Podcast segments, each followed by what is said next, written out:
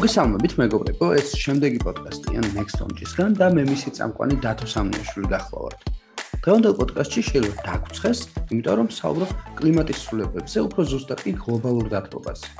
დონალდ ტრამპი თავის პრეზიდენტობის პერიოდში გლობალურ დათბობაზე ხშირად ხუმრობდა და ზოგჯერ მას სისულელესაც ეძახდა. მის ხელისუფლებაში მოსვლის შემდეგ აშშომ პარიზის შეთანხმება კლიმატის შესახებ დატოვა კიდევაც. უკვე ტრამპის ხელისუფლებიდან გაშვების შემდეგ ჯო ბაიდენის კაბინეტის გეგმების მიხედვით უახლოეს 10 წელში განახლებად ენერგიებისა და ელექტრო ავტოინდუსტრიის გასანვითარებლად 2 ტრილიონი დოლარი უნდა დაიხარჯოს. და რა თქმა უნდა, აშუახლა პარიზის კლიმატის შეთანხმებაში კვლავ გახლავთ. მანამ სანამ ადამიანები გლობალურ დათბობაზე უკამათობთ, მეცნიერება დაადგინეს, რომ თბილსისხლიანი ცხოველები ფიზიოლოგიას იცვლიან, რათა მოეგონ უფრო ცხელ კლიმატს. ეს ნიშნავს უფრო დიდ ნისკარტს, ფეხებს და ყურებს. რათა ცხოველებმა უკეთ დაარეგულირონ საკუთარი სხეულის ტემპერატურა. დიახ, პროცესი დაძრულია და როგორც ჩანს, ადამიანებისგან განსხვავებით, სხვა ცოცხალმა ორგანიზმებმა ზუსტად იციან თუ რა ხდება. და მაინც, რა ხდება? რა არის გლობალური დათბობა? რაზე აისახება ის? რა პროცესები იწვევს მას და როგორ მოქმედებს ის ჩვენზე თუ პლანეტაზე? და რა უნდა დაუპირისპიროთ მას? პოდკასტში სწორედ ამ შეკითხვებზე პასუხის მიღებას ვეცდებით. ამ ყოველფერში კი ჩვენი დღევანდელი სტუმარი, Nextnonger-ს სამეცნიერო ჟურნალისტი, გარემოს დაცვითი აქტივისტი, ანანუ მჭედლიშვილი დაგვეხმარება. ანუ გამარჯობა. გამარჯობა. აა მოდი დავიწყოთ პირდაპირ მე თუ რაზე ვისაუბრებთ დღეს, ხო? ანუ თავში ვახსენეთ რაღაც გლობალური დათბობა, ხო? მაგრამ აა ყოველს გაუგია ამაზე, მაგრამ რეალურად რას ნიშნავს ეს? აი მაქსიმალურად მოკლედ რო ავხსნათ, ხო? რაზე არის საუბარი? გარდა იმისა, რომ რაღაც გლობალური დათბობა როგორ ესმის, შეიძლება წარმოვიდგინოთ, რომ აი დაცხება რაღაც, თუმცა ესე მარტივად არ არის, ხო, და ამაში რაღაც ბევრი კომპლექსური პროცესია და აი მარტივად რა ახსენეთ მოკლედ მაქსიმალურად. როგორც თქვი, გლობალური დათბობა არის დედამიწის ატმოსფეროს მიწის პიროფენის და ზოგადად ოკეანის წლიური ტემპერატურის მატება და განსხვავება ის არის, მაგალითად, ბუნებრივ დათბობას შორის, რომ ეს მატება მიმდინარეობს ბევრად უფრო სწრაფად. და იწოს კიდე დამატებით ძალიან ბევრ პროცესს, როგორც არის სიტყვური ტალღები, ოკეანის დონის მატება, მყინვარების გაუჩინარება, ხანძრები და ასე შემდეგ. აჰა. ხო, ანუ რეალურად საკმაოდ კომპლექსური არის და არ არის ეს აპრიორი არ ასოცირდება იმასთან, რომ რაღაც ტემპერატურა ცოტა უფრო დაცხება, ხო? ანუ არის რაღაც ესე ვთქვათ, ერთი კომპლექსური თლიანობა, ხო და ანუ იცი რა მაინტერესებს, აი, როდის გაჩნდა საერთოდ პირველად ამაზე საუბარი, ანუ ვინ იყო ის პირველი მეცნიერი თუ ზოგადად აქტივისტები ვინ იყვნენ ვინც დაიწყეს ამაზე საუბარი ესე ვთქვათ როდესაც არ იყო ჯერ კიდევ ცნობილი ზოგადად ეს ფენომენი და ადამიანებმა დაიწყეს იმას საუბარი რომ რაღაც საფრთხე ჩნდება გარემოსთან მოუფრთხილ და ასე შემდეგ და უშუალოდ გლობალურ დათბობაზე როდის ალაპარაკდნენ პირველად საინტერესოა? პირველი მეცნიერი ვინც ამაზე ალაპარაკდა იყო სვანტე არენიუსი აჰა რომელმაც რომელიც იყო ფიზიკური ქიმიის ფუძემდებელი და მეცნიერმა და მე მგონი მე-19 საუკუნის ბოლოს დაიწყო კვლევების ჩატარება და თავიდან გამოიკვლია მაგალითად რა მოხდებოდა ატმოსფეროში ნახშირორჟანგის დონე რო განახევრებულიყო. და მაგისი დათვლებით ამის მერე ატმოსფეროში ტემპერატურას უნდა დაეკლო რაღაცა 4-5 გრადუსით და ასევე გამოთვალა რა უნდა მომხდარიყო უბრალოდ რა მოხდებოდა ნახშირორჟანგის დონეს ასევე 50%-ით რომ მომატებულიყო ეს დონე და ისევ გამოვიდა რომ დაახლოებით 5-6 გრადუსით მომატებდა ტემპერატურა. აჰა. ეს რომელ წელს იყო დაახლოებით თოთში? აა 1895 ალბათ ან 95 დაახლოებით მაგ პერიოდში. ხო და როგორც ვიცით, ინდუსტრიული რევოლუციის მერე ნახშირორჟანგის დონე მისაც მოიმატა 50%-ით. ეს საბედნიეროდ ამისი პროგნოზი არ გამართულა. მაგრამ გამართულდა ის პროგნოზი, რომ ნახშირორჟანგის დონის მატება იწევს კლიმატის ცვლილებებს და ზოგადად სათბურის აირების მატება. მაგრამ ამ დროს ზოგადად ეს ტერმინები გლობალური დათბობა და კლიმატის ცვლილება არ არსებობდა და ზოგადად არ იყო საუბარი ამ თემაზე. ხო, აი თვითონ ტერმინი საიდან გაჩნდა ეგეთ საუბარი საინტერესო თემაა ეს. აი დაახლოებით რომ მკითხე გარემოს დაცვაზე როდის დაიწყო ხალხმა ფიქრი დაახლოებით ეს გაჩნდა 60-იანი 70-იანი წლების დროს ამ კონტრრევოლუციის დროს როცა დაიწყეს უკვე ფიქრი დაბინძურებაზე როგორც მაგალითად 60-იანი მე-20 საუკუნეზეა საუბარი ხო ალბათ? კი კი მე-20 საუკუნეზე ამ პლასმასის დაბინძურებაზე მაგალითად ბუნებრივი რესურსების ჭარმოხმარებაზე და ასე შემდეგ და სადღაც 80-იან წლებში დაიწყო საუბარი თვითონ ტემპერატურის მატებაზე მაგრამ მაშინ ზოგადად ესეთი ტერმინი არ არსებობდა, მაშინ მეცნიერები იყენებდნენ ტერმინს კლიმატის მოულოდნელ მოდიფიკაციებს. და უკვე 80-იან წლებში მაგალითად NASA-ს კლიმატის მეცნიერი არის ჰანსენი. აჰა. მევენ ჯეიმს ჰანსენი ქვია. რომელიც მიმართულებით ძალიან აქტიურად მუშაობს და მან გამოიყენა 88 წელს ეს ტერმინი და მაშინ უკვე ძალიან ძალიან პოპულარული გახდა თვითონ ეს თემა. აჰა.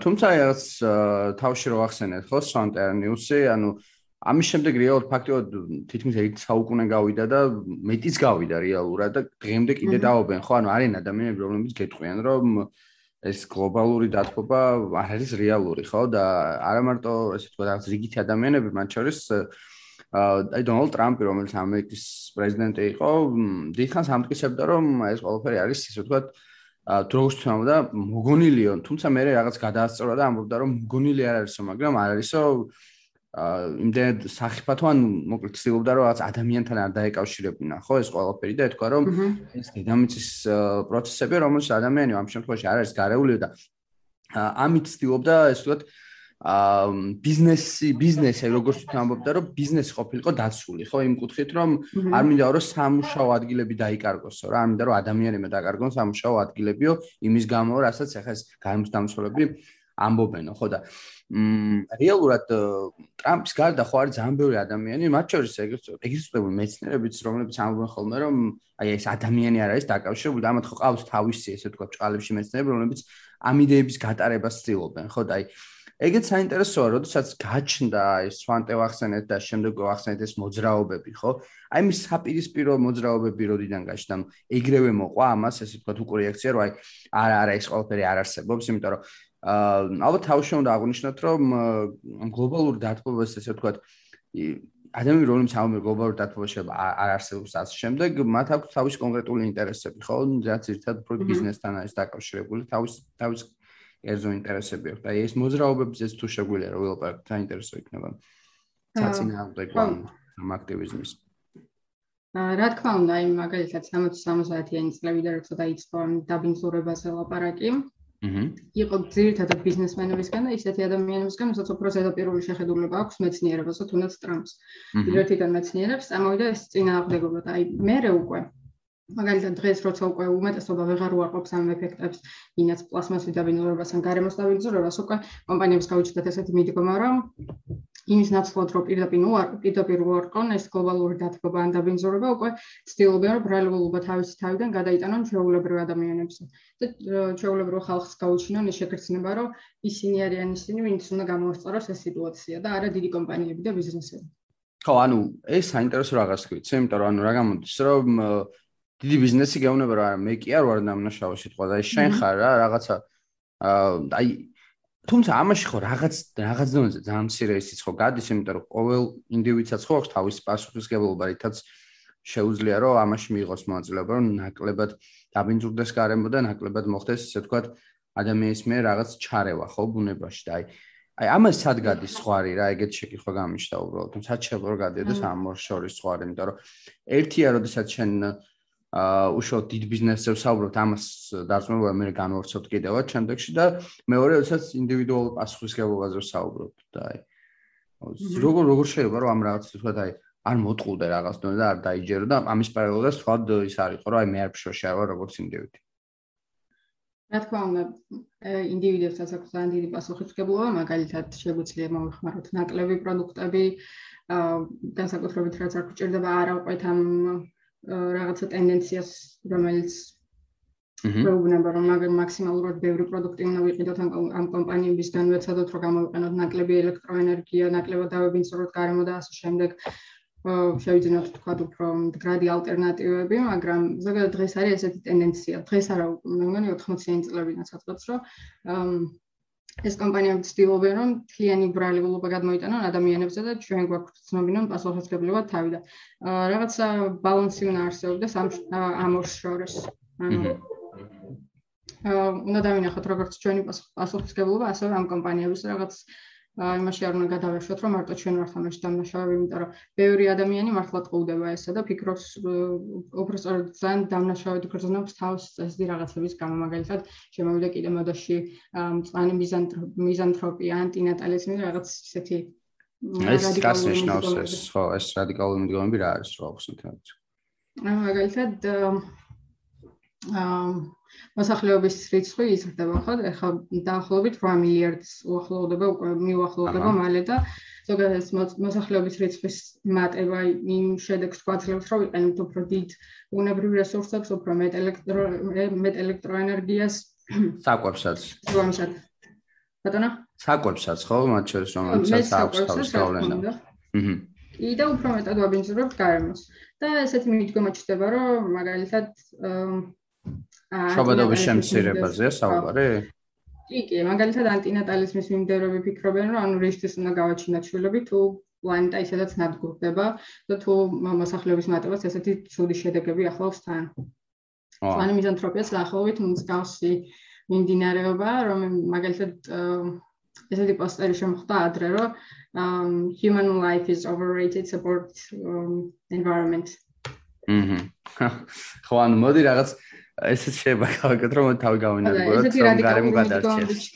ხო, ესეთი რადიკალური მიდგომები რჩება ამ კომპანიების აა ხო, ეხლა მე უცებ მე ხელსებ რაღაც.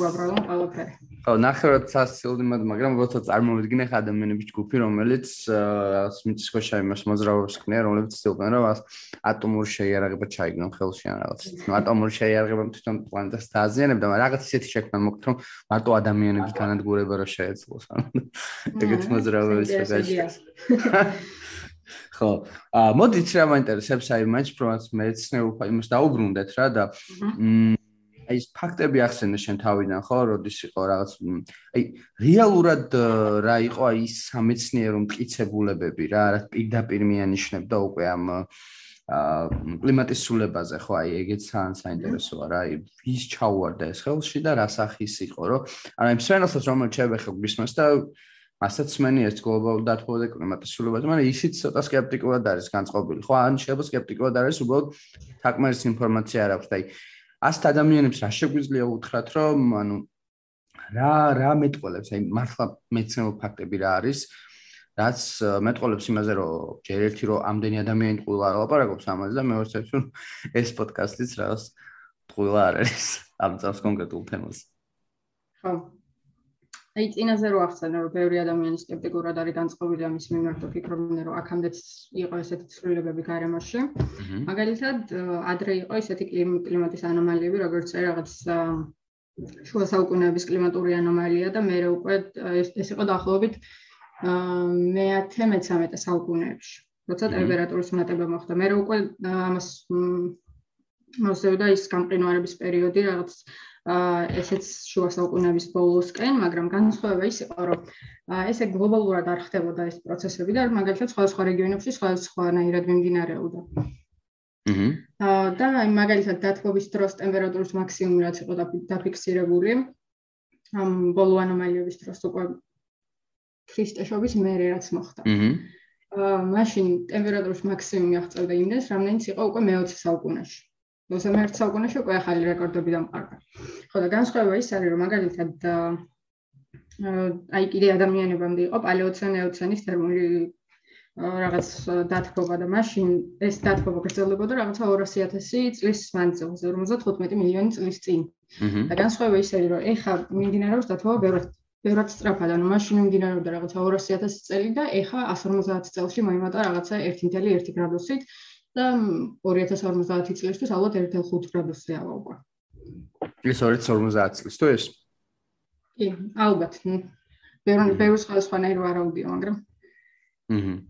ხო, ანუ უშუალოდ კლიმატის ცვლილებაზე, ანუ ამ ტემპერატურაზე რა მომდი ხო, მე ის გამახსენდა რომ აი, როდესაც წარსულსაც რა დავანებოთ, ყოველი წელი ხო, რაღაც ფაქტიურად 29 საუკუნეში ხსნის თავის რეკორდს, ანუ ყოველი წლის შემდეგ შემდეგი წელი არის უფრო და უფრო ცხელი, ხო? და ეს აა თუმცა აი აი კიდე ეს აი ის დაუშვათ რა სკეპტიკო სკეპტიკოდ უყურებ ამას კიდე ხო ანუ შეიძლება ვერ მაგითხას რომ კი მაგრამ მე ვაფშე ვერ ვამჩნევ მაგას რა ანუ რაღაც აა პექთ უფრო ცივა აი გეტყვის რომ მაგალითად შემდეგ წინა ზაფხული უფრო გრილი იყო მაგალითად გითხრას რა და აი აი ასეთ სკეპტიციზმს რა შეგვიძლია რომ რეალურად ხო აქ არის საუბარი რაღაც 1 გრადუსზე და ანუ ეს 1 გრადუსის ზოგადად საერთოდ იმაზე არის საუბარი და ეს მოქმედებს თვითონ პლანეტაზე, ხო და აი ამას რა შეგვიძლია რა ეს როგორ შეგვიძლია ეს ყველაფერი ახსნათ? აი 1 გრადუსში გულისხმება საშუალო ტემპერატურა მთელ დედამიწაზე, საშუალო წლიური ტემპერატურა და არა რაღაცა ხო, იმიტომ რომ ანუ 1 გრადუსი შეება შენ გვეცნო, ხო, 1 გრადუსი თუ ცხელ აქციოა, მაგრამ სხვა რაღაცაზე ხო? რა თქმა უნდა, თან ეს ტემპერატურული ცვლილება სხვადასხვა რეგიონს სხვადასხვანაირად უყრავს, ხო? მაგალითად ჰანსენი რო ახსენე, მაგის კვლევა იყო, მგონი 2019 თუ 17 წლის, სადაც ეწერა რომ განვითარებადი ქვეყნების განვითარებადი ქვეყნები რომლებიც მოიხმარენ ძალიან დიდ წეღისეულს აწყვეტს ენერგიისთვის მოყვენ დიდი რაოდენობით სათბურის აირებს გარემოში. და ეს დათბობა ანუ რასაც ხელოვნური სათბურის აირები იწვევს ყველაზე მეტად ყველაზე დიდ გავლენას ახდენს მაგალითად აფრიკის რეგიონზე. და არა თქო საქართველოსზე ან ფინეთზე მაგალითად ხო და ანუ თავარი ის არის მანდ რომ ანუ ეს შედეგები შეიძლება ერთი შეხედვით ვერ იგრძნო მაგალითად საფხულში იყოს რაღაცა გრილის აღამა და იფიქრო რომ აბა სად არის გლობალური დათბობა არა ხო?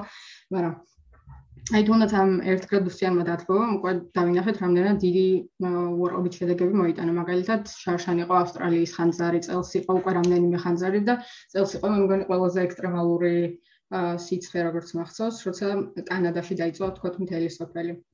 აჰა ხო, ან და ნუ გარდა ამისა კიდე ხო, აი სულ წინათ დაიწერა კიდე სტატია ესეთი, რომ სადაც იყო მასშტაბური კვლევა და იკვლევდნენ ესე ვთქვათ ფრინველებს რა. და ანუ აი აქ იყო ესეთი ძალიან საინტერესო რაღაცა, რომ აა ეს ევოლუციის პროცესი, რომელიც მუდმივად მიმდინარეობს, ა ამ ფრინველების შემთხვევაში რა არის უფრო დაჩქარებული იმ პროცესში, რომ ესენი მაქსიმალურად ცდილობენ ადაპტირდნენ უფრო ცხელი ტემპერატურისთვის, ანუ უფრო თბილი ტემპერატურისთვის, რაც რაც ნუ აი ეს წავიკითხე მე პირდაპირ ფაქტია ხო რომ ანუ ანუ ერთია რომ ადამიანს ნობიერი აქვს და შეიძლება თავის მეცნიერება და იკვლევს და ამ ყოველფერს აა ესე ვთქვათ ხვდებოდეს იყოს ვარაუდები რაღაცები დასტურდებოდეს რაღაცები არ დასტურდებოდეს თუმცა მეორეა როდესაც ბუნების ციკლი რომელიც პირდაპირ არის ხო კლიმატთან ეს ყოველფერი ერთობლიობა შედა როდესაც სოციალური ორგანიზმები ფიზიკურად უკვე იცვლებიან იმისთვის რომ ადაპტირდნენ უფრო ცხელი ტემპერატურისთვის, ხო, ანუ ეს ხო უკვე რაღაც გამოდის, რომ პირდაპირ ფაქტია, ხო, რო რეალურად რაღაც ან სერიოზულად იცვლება, ხო? და აი შენ რო ცვლილებებზე ამბობდი, აი თვითონ აა ემისიები ახსენე და რაღაცები და აი მაინც რო უფრო კონკრეტულად თქვა, აი ეგეც ცალკე რა რა შეგვიძლია დავაკავშიროთ აი ამ გლობალურ დათბობასთან პროცესებს, ანუ რა იწევს და მოდი მეორე მხრიდანაც შევხედოთ, იმიტომ რომ მოდი მარტო ადამიანსაც ნუ გავროთ ამ შემთხვევაში და რაღაც თლიანობაში რო ავიღოთ რა ეს ყველაფერი, იმიტომ რომ კლიმატი ხო ოდის ოდისგანვე იცვლებოდა, ხო? ან მანამ ადამიანი არსებობდა, მანამდე ცვლებოდა ეს პროცესი, უბრალოდ ადამიანმა შეიძლება რაღაც დააჩქაროს, ხო? ამ პირიქით შეანელოს. და აი ერთობლიობაში რო ავხსნათ, ზოგადად რა იწევს ამ კლიმატის ცვლილებებს და აი ხო და მე უკვე უშუალოდ უფრო გამოჩნდება ჩვენი წვლილი, ხო, ესე ვთქვათ, ან ანთროპოგენური ფაქტორები რა დავიწყოთ?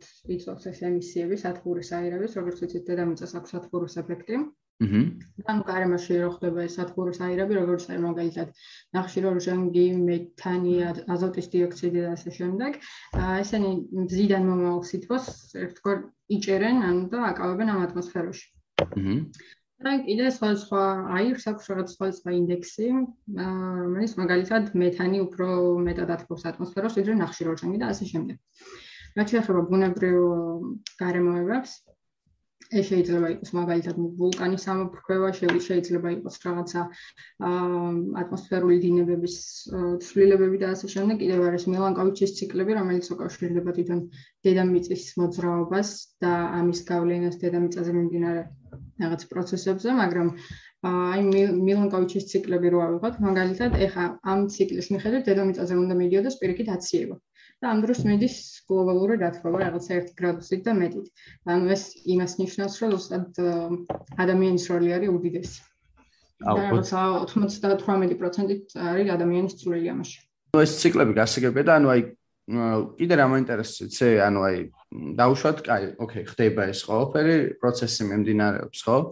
აა თუმცა ანუ აი აქედან გამომდის ზოგი ხო იმას ამბობს, რომ შორეული პერსპექტივა ეს ყველაფერი ან ამ შემდეგ ამ ცოტა ხნის მერე მივხედავთ ამას, ხო? და ამ შემდეგ, თუმცა აა ესე ვთქვათ, პარიზის კლიმატის ხელშეკრულებაც არსებობს, ხო? უკვე რომელიც თუ არ ვწლები 2015 წელს გაფორმდა, ანუ რაც ქვეყნებს ავალდებულებს რომ მიიღონ ზომები, ხო? ანუ უშუალოდ კლიმატის ცვლილებასთან დაკავშირებით და აქ აქვთ ესეთი რაღაცა, როგორც ვიცი, მე წითელ ხაზს ეძახიან, ხო, რაღაც შევისაუბროთ 1 გრადუსია მომტებლა, აი ეს ნამდვილად 2 გრადუსით მოიმატა.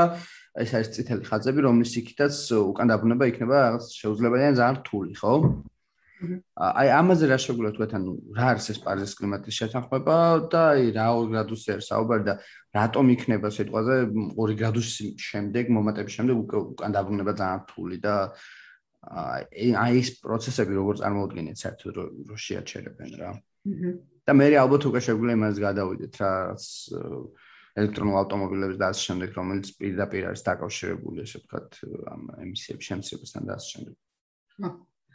ну საერთოდ უმრავლესობა ერთხმად აღიარებს მეცნიერებისაც და ზოგადად აქტივისტებისაც ერთმანეთს აღიარებს, რომ გლობალური დათბობა მართლა პრობლემა არის, მაგალითად, პარიზის კლიმატის შეთანხმებამდე იყო კიოტოს შეთანხმება, რომელიც 97 წელს დაიწყო და გაფორმდა მე მგონი 2005-ში და განსხვავება ის იყო, რომ კიოტოს შეთანხმება მოიცავდა მარტო განვითარებულ ქვეყნებს და ამათ ავალდებულებდა რაღაც რეგულაციების მიღებას და კიდე აწესებდა ჯარიმებს, რომ რაღაც დადგენილი რეგულაციებს თუ შეხვდებოდნენ ქვეყნები, მე რომ დაჯარიმებდნენ ამათ.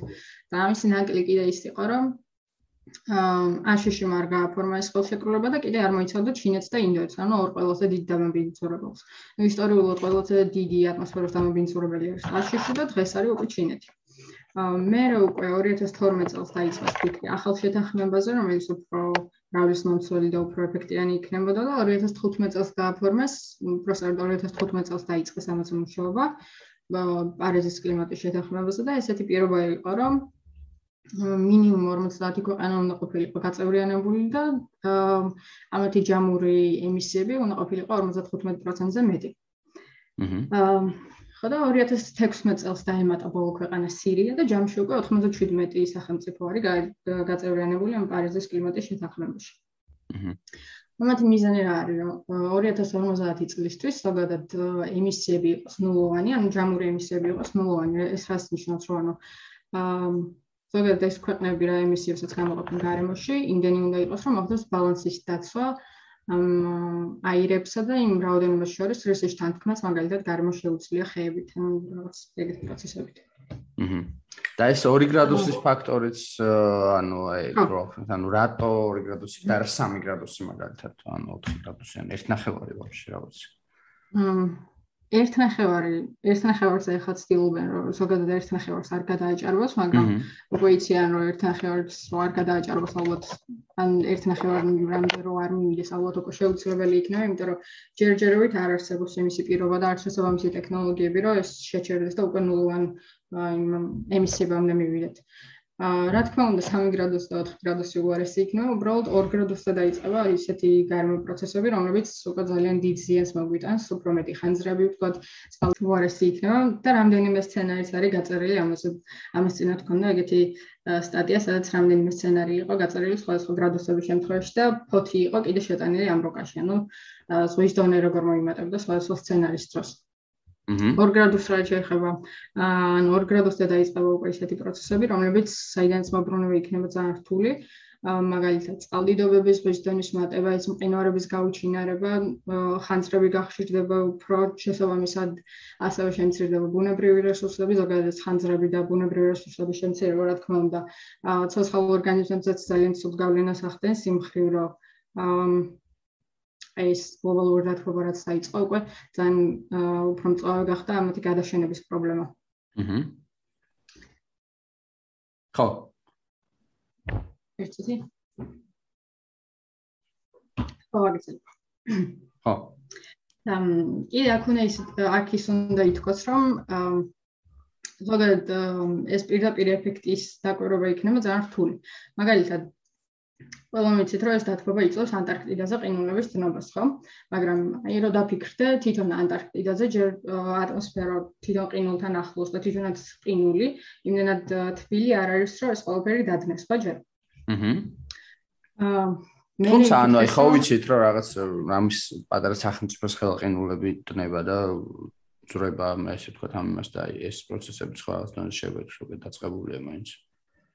კი, რაღაც პროცესები დაწყებულია, მაგრამ გამომწვევზე საუბრობ, რამდენად კომპლექსური არის ეს პრობლემა. მაგალითად, შეიძლება იფიქროთ, რომ თქვათ წყლის დინებები არის თბილი და ეს დინებები იწვევს მაგალითად ყინულის დნობას, მაგრამ ეგეც არ არის პრობლემა, იმიტომ რომ აა მაგალითად მარტო წყლის საკითხი რო იყოს, მაშინ ამ სანაპიროებში უნდა დადნეს ყინული და მაგალითად რაღაც დიდი ყინულის ისინი არ უნდა აა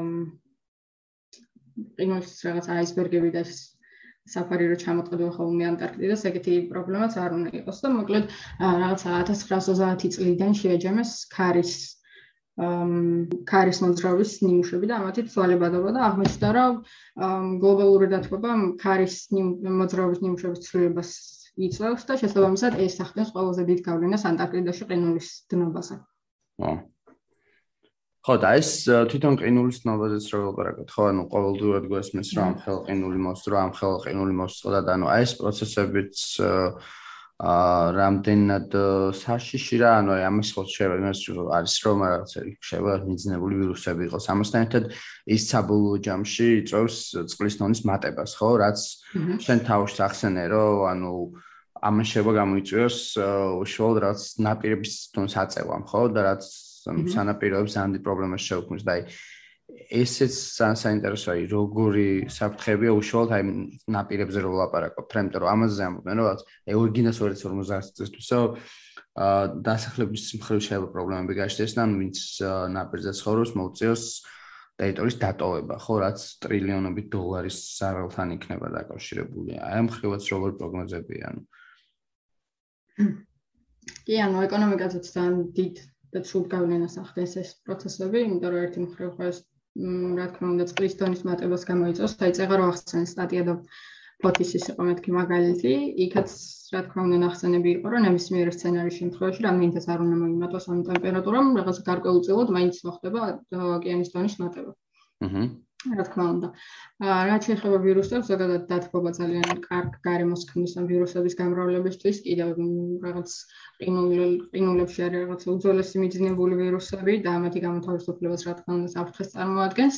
და კიდევ ზოგადად დათბობა წყლის ეკოსისტემების წყლის ეკოსისტემებისთვისაც ძალიან ცუდი არის, მაგალითად, წყლის საშუალო ტემპერატურაც იმატებს ატმოსფეროს ტემპერატურის მატებასთან ერთად. და ერთ-ერთი ყველაზე გავრცელებული უარყოფითი მაგალითი რაც ვიცით ამის არის მარჯნის რიფები. ან წყლის ტემპერატურის მატება ძალიან ცუდ გავლენას ახდენს მარჯნის რიფებსა და რაც მეცნიერები ვარაუდობენ რომ ამ საუკუნის ბოლოსთვის ალბათ უკვე აღარ იქნება ეს რიფები საერთოდ. ო.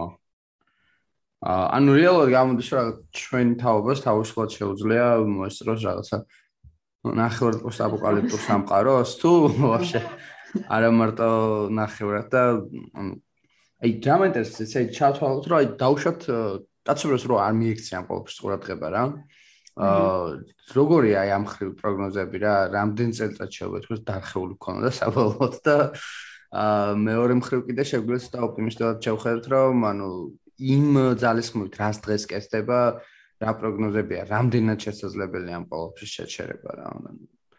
აი ეს ორი ის რომ მე ესენი ნეგატიურად და პესიმისტურად არ უყურებ მაგ საკითხს და ალბათ აქამდე რომ არავის არ მიექცია ყურადღება, ჯერ მაინც არ იქნებოდა აპოკალიფსი. აჰა. და ეხლაც რო აღარ მიექციათ ყურადღება, ალბათ რაღაც ამ საუკუნის ბოლოსკენ უკვე ან იქამდეც ალბათ უკვე ცუდი სიტუაცია იქნება, იმიტომ რომ ისედაც არის უკვე ცუდი სიტუაცია მაგ მხრივ და ისედაც ყოველდღე უყურებთ ამ განსაკუთრებით საფხულში ამ რაღაც ანომალიურ მოვლენებს. აჰა. და შეიძლება რაღაც აა ერთი შეხედვით კონკრეტულად ჩვენ ვერ ვხედავთ ამ ცვლილებას, მაგრამ ზოგადად ცვლილებები რო ხდება, ეგ აშკარა. კიდე ამ კითხვა მოვიწყო. აა არაფერი, ანუ პროგნოზები რანაირია თქო რა, ანუ რამდენად რამდენ ხანს შეიძლება იყოს მივიღოთ შედეგები, რაც არის მართლა სავალალო, რომლიდანაც თვითონ ცივილიზაციას ვაფშე გამოძრევა შეიძლება გაუჭირდეს და მეორე ხელ ამბობთ, რომ რამდენად შეგვიძლია ამ ყოველფრის ესე ვთქვათ საბოლოოდ აცდენა თავიდან რა რომ ანუ რამდენად რეალურია ეს რომ აი დაუშვათ სიტყვა დასწავლონ მეცნიერ მივიღეთ ეს ზონები ხო? ერთია შენ იღებს ომს და მეორეა ეს პროცესი რომელიც დაძრულია რამდენად გაჩერებადია რა ანუ აი ტრამპის კუთხიდან რომ შევხედოთ მაგალითად რომ კი, აი დაუშვათ ადამიანიც არის მაგრამ ბუნება თავის შეება რა და შენ ხა გინდიქს ემისიები შეამცე რაღაც კენი ანუ პლანეტა თავისით გადის რაღაც პროცესს რომელმაც დიდი ცვლილებები უნდა მოიტანოს და მათ შორის ცვლილებები სიცოცხლის ფორმებისთვის, რომლებიც ახლა ვარ დედამიწაზე. აი ეს ეს ეს მაინტერესებს. აი ტრამპი რო ახსენე, მაგალითად, ბევრი ისე უყურებს ამ საკითხს, რომ მაგალითად იმათეს უფრო მნიშვნელოვანია რაღაც საზოგადოების სოციო-ეკონომიკური პრობლემების გადაჭრა და ამ ხრივ განვითარება, ვიდრე გლობალურ გარემოზე ფიქრი და ზოგადად გლობალურ დათბობაზე ფიქრი და ამ ხრივ რაღაც რეგულაციების ამორჩილება. მაგრამ აი ამ საუკუნეებს გვაჩვენა, რომ ზოგადად სოციოგინეთ სოციოეკონომიკური განვითარება შეუძლებელი იქნება აა ესეთ პირობებში, როცა გარემოს ვაყენებთ ამ ხელა ზიანს, იმიტომ რომ რაღაცა უკავშირი ხო არსებობს, რომ სპირიკით აქეთ ვიღებთ რაღაც ნეგატიურ შედეგებს. მარტო გარემოზე ზიანის მიყენება არ არის, აქეთ ვიღებთ პირიქით ზიანს ამით. აჰა. ძალიან ცუდ გავლენას ახდენს ეს პროცესები ჩვენ ეკონომიკასეთიდან. აა ხო, სცენარებს რაც შეეხება, სავარაუდოდ ანუ მე არ ვფიქრობ, რომ რაღაც ის შემოbrunება იქნება შეუძლებელი, რა თქმა უნდა, ბევრად უფრო ცნელი გახდება მომავალში, მაგრამ რაღაც ისე არ უყურებ, რომ აპოკალიფტური გარემო გვექნება მომავალში, რაღაც უკეთესობისკენ ვეღარაფერს ვერ შევცვლით. მით უმეტეს ახლა როცა უკვე ძალიან დაზრული არის ეს პროცესები, და როცა აი უკვე ვახსენე რომ 97 სახელმწიფო ზრუნავს იმაზე რომ მიაღწიან რაღაცა ნულოვან ემისიებს და შექმნან რაღაცა უკეთესი ტექნოლოგიები და უფრო ისრუნან გარემოზე. გარდა ამისა მეცნიერების აქტიურად მუშაობენ იმაზე რომ შექმნან ახალი ტექნოლოგიები რომლებიც მაგალითად სადგურის აირებს გარდაქმნის მე მგონი ქვად გარდაქმნიდა ერთი ხო ისლანდიაში იყო ეს ქარხანა. კი. სადგურის ხო სადგურის აირების რაც შთანთქავს ასეთი ტექნოლოგიები და მე მგონი შეიძლება ისეთი დადებითი პროგნოზით ვერ განვითარდეს მოვლენები, როგორცაც როგორც მაგალითად პარიზის კლიმატის შეთანხმებაშია მოცემული. მაგრამ მგონია რომ მაინც უკეთესობ უკეთესობისკენ შეიძლება რაღაცის წაყვანა. აა გარდა ამისა, თვითონ ადამიანის აცნობიერებს თავის როლს ამ ყველაფერში და უკვე მაინც არის ვიღაც ხალხი ვისაც არ შეერა გლობალური დათბობის, მაგრამ ამეთი რიცხვი ძალიან მცირდება და უკვე მე მგონი შეთქმულების თეორიასავით არის რომ გლობალური დათბობა არ არსებობს, იმიტომ რომ ვინც უღრმავდება ამ საკითხს და ვინც აკვირდება გარემოს, უკვე ყველა მიცის ეს. აჰა. ხო, არა, ამ შენ მოკლედ ესე ვთქვა ოპტიმისტურად ხარ ამ ხრივ განწყობილი, რომ შენ მიგაშნე ესე ვთქვა, რომ ამ ყოველფერსაც მეტნაკლებად ცივილიზაცია გადაევლის და ანუ ცოცხლეც დაძლევს, ხო ესე ესე ვთქვა. თუ თუ ვერ გადაევლის, შეიძლება ადამიანმა ვერ გადაიარონ, მაგრამ სიცოცხლე მაინც დარჩება. თუმცა რაღაც სიცოცხლის ფორმებსაც გაუჭერდებათ, ხო, ან ეგრე მარტივი არ არის, რომ ესე უცებ გადაეწყოს სიცოცხლის ფორმები, ხო, ანუ ამის ამის ბევრი მაგალითი ქონია დედამიწაზე ვიცით, რომ ძალიან დიდი პროცენტი სიცოცხლის ფორმების გამქრალა უბრალოდ. ნუ შემდეგ ახალი გაჩენილა, მაგრამ ნუ 95% იყო ერთხელ ერთ-ერთი გადაშენების დროს, მაგალითად. კი, კი, ან ძალიან დიდი პროცენტი ზოგადად ეხლანდელი ეხა რა სახეობებს არსებობს, ხო, ანუ აა ესე ვთქვათ, რამცირეა იმის, რაც სინამდვილეში არსებობდა და რაც უკვე აღარ არსებობს, ხო, და დღესაც აი ყოველდღე შეგვიძლია რაღაც სამეცნიერო ჟურნალებში დავიკითხოთ, რომ ახალი სახეობა გაქრა ხო ნუ ეს პროცესები რაღაც აა სულ არის მაგრამ ნუ ამასთან ერთად ესე თქვა სიცოცხლე ფორმებს იცვლის და მოდიფიცირდება ხო კი ბატონო. აა მოდი მაშინ ახ ცოტა რადგან შენ ოპტიმისტურად. ხარ განწყობილი წავიდეთ უკვე იმ კუთხით რაც არის პირდაპირ ოპტიმისტთან დაკავშირებული და არა მარტო ოპტიმისტთან უშუალოდ საქმესთან ხო? ანუ აი რა კეთდება კონკრეტულად რო თქვა იმისთვის რომ აი ეს პროცესები ასე თქვით შეწყდეს ან შეჩერდეს, შენელდეს და ასე შემდეგ, ხო? ანუ და გარდა იმისა, რომ რაკეტება შემდეგ მეორე ნაწილი უკვე შეგვიძლია იმაზე ვისაუბროთ, თუ ანუ ერთია რომ კონკრეტ სახელმწიფოებმა დიდმა კომპანიებმა რა უნდა გააკეთონ და რას აკეთებენ და მე რო უკეთ ინდივიდუალურ სეტს შეგვიძლია ვისაუბროთ რა, იმიტომ რომ ადამიანებს თქვის მას, იმას შეიძლება ინტერესებს და უნდადეს რომ მიიღოს თავისწული შეიტანოს მოკლედ ამ ყოველფერში თავის კიდაც მცირე. მოკლედ ეს თემები რო განვურცოთ. რადგან გლობალურ პლატფორმაზე საუბრობთ, როგორც ვიცით, ყველაზე დიდი წვლილი შემტანი ამ დათბობაში პირველ ადგილზე არის წიაღისეულის საწოლის მოხმარება, მე რა ამას მოსდევს. აა ცხოველი ცხოველის ფერმები, ხო, ცხოველური მეურნეობები და შემდეგ მოსდევს უკვე ტრანსპორტი. აჰა. პირველს რაც შეეხება წიაღისეულის საწოლის მოპოვებას, ამისი ალტერნატიული მეთოდები უკვე დიდი ხანია არის, ეს არის მწვანე ენერგია, ანუ განახლებადი ენერგია, რომელიც ბუნებრივ რესურსებს რესურსებს არ მოიხმარს, მაგალითად მზის ენერგიაზე ან ქარის ენერგიაზე, თუნდაც წყლის ენერგიაზე მომუშავე სადგურები რო ავიღოთ, ესენი იყენებენ წყლის ენერგიას და არათიდან წყლის რესურსს, ხო, როგორც ასე, როგორც მაგალითად წიაღესეულ საწოლში იყენებენ ბუნებრივ აირს ან ნავთობს. ამიტომ ამ წყაროებს არ აქვს პრობლემა, რომ მაგალითად რესურსი ამოიწურება. გარდა ამისა, ეს განახლებადი ენერგიის წყაროები ან ბევრად ნაკლებად აბინძურებენ გარემოს, მაგალითად დანარჩენებთან შედარებით, რომლებიც აბინძურებენ ატმოსფეროს და წყალს და იწვევენ ძალიან ბევრ დაავადებებს ადამიანებში და ასევე აბინძურებენ ეკოსისტემებს. გარდა ამისა, მაგალითად ერთ-ერთი კლუბის თანახმად 2050 წლისთვის დედამიწა შეძლებს 80% ენერგიის გამოიმუშავოს ან განახლებადი წყაროებიდან და შესაბამისად ამ შემთხვევაში აა გარემოში ზოგადად ეს სათბურის აირის ემისიები შემცირდება 80%-ით, რაც ძალიან კარგი იქნება. და ზოგადად ძალიან კარგად იმოქმედებს გარემოზე. აა კიდე ერთი დამატებითი კარგი ფაქტორი ამის არის ის, რომ განახლებადი ენერგიის წყაროები ასაკმებს უფრო მეტ ადამიანს, შესაბამისად ეკონომიკისთვის ეს უფრო კარგი არჩევანია, ასე ვთქვათ. და ფასრად შეეხება აქ ჩაგერთვები ერთ ბოდიში. აა რას ნიშნავს, როდესაც რომ თუ ასაკმებს უფრო ბევრ ადამიანს, ანუ რა სახიჩებული. ანუ ახალ პროფესიებს აჩენს მაგას გულისხმობ თუ რას გულისხმობ? აა ანუ ზოგადად ამ ახალ პროფესიებს შეიძლება აჩენს და კიდევ ამ სადგურების მუშაობაში, ანუ უფრო მეტი ადამიანი არის ჩართული, უფრო მეტი პერსონალი, ვიდრე მაგალითად ისეთ სადგურებში, სადაც იყენებენ ნავთობს ან რაღაც სხვა ენერგიას. აჰა, ანუ აქ უფრო მეტი ადამიანია ჩართული, ეს საინტერესოა ჩემს საუბარში. ანუ ეკონომიკის ეკონომიკის განვითარებისთვის ეს უფრო კარგი ვარიანტია. აა კიდევ ის დადებითი ფაქტორი აქვს, რომ მაგალითად ზის ენერგიის მიღების ფასი სადღაც ბოლო 10 წლის მანძილზე მე მგონი 70%-ით დაეცა, ქარის ენერგიის მიღების ფასი დაეცა 66%-ით და ზოგადად ეს არის უფრო სტაბილური ენერგიის წყარო, ვიდრე აა წიაღისეულ საწოლზე დაფუძნებული. ანუ პირდაპირ სიტყვაც გვეუბნება, ხო? ანუ განახლებადია და ნუ ეხა ულევი ზოგადად სამყაროში არაფერი არ არსებობს, ხო? ნუ მათ შორის რას ვარსკვლავიც ოდესღაც მოკვდება, ჩვენი მზეც მოკვდება ყველაფერი, მაგრამ ну იმ გაგებით რა გაგებითა ჩვენ ცხოვრობთ მოკლედ ამ პლანეტაზე და იმ პერიოდით ხო ნუ რა შემოჩეგულია თქვა რომ ანუ უფრო პროცესებზე ეს სამყარო ხო ნუ ულევი მატერიალურ რესურსზე ხო, ну ის არ არის რომ მაგალითად რაღაცა წიაღისეულიდან ამოგაქვს და ის თავდება, ხო? ანუ მზის ენერგია შეგვიძლია ესე ვთქვა და ეს პროცესი გაგრძელდეს, მაგრამ სანამ ვარსკვლავი არსებობს საერთოდ, ხო? იდა სტაბილურ შეიძლება რეგულირება, რა ეკონომიკურადაც უფრო სტაბილურია ეს წყაროები, ვიდრე ის წიაღისეული რესურსი, რომელიც ფასიც ხან ძალიან იმატებს, ხან ეცემა მალე და ასე შემდეგ. ხო, აი, კითხვა გამიშდა ეხა იმ ხრივ რა, ანუ აი ბიზნესები, რომლებიც ესე ვთქვათ, აი ნავთობ მომპოვებლები და ისინი, გასაგებია რომ მათთვის იმ მომენტში ხო, ვიყო რაღაც წამგებიანი ესე ვთქვათ, ანუ მათ შეება ეშინოდეთ, რომ მათ თავიანთ შემოსავალზე თქვან უარი.